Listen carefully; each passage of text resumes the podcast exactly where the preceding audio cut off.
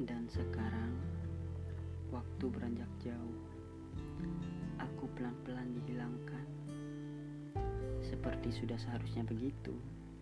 Jarak itu, walau tidak pernah ia beritahu. Tapi aku tahu, itu kekecewaan yang terungkapkan. Perlahan, kesakitan mulai.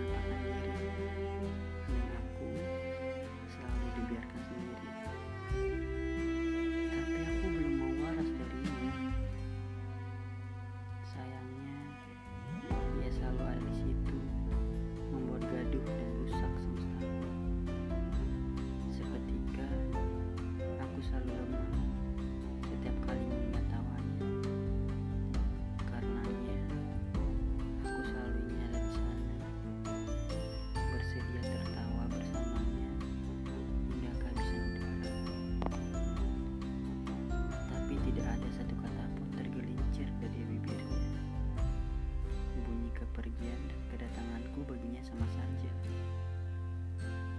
Tidak perlu disambut dan dicegah.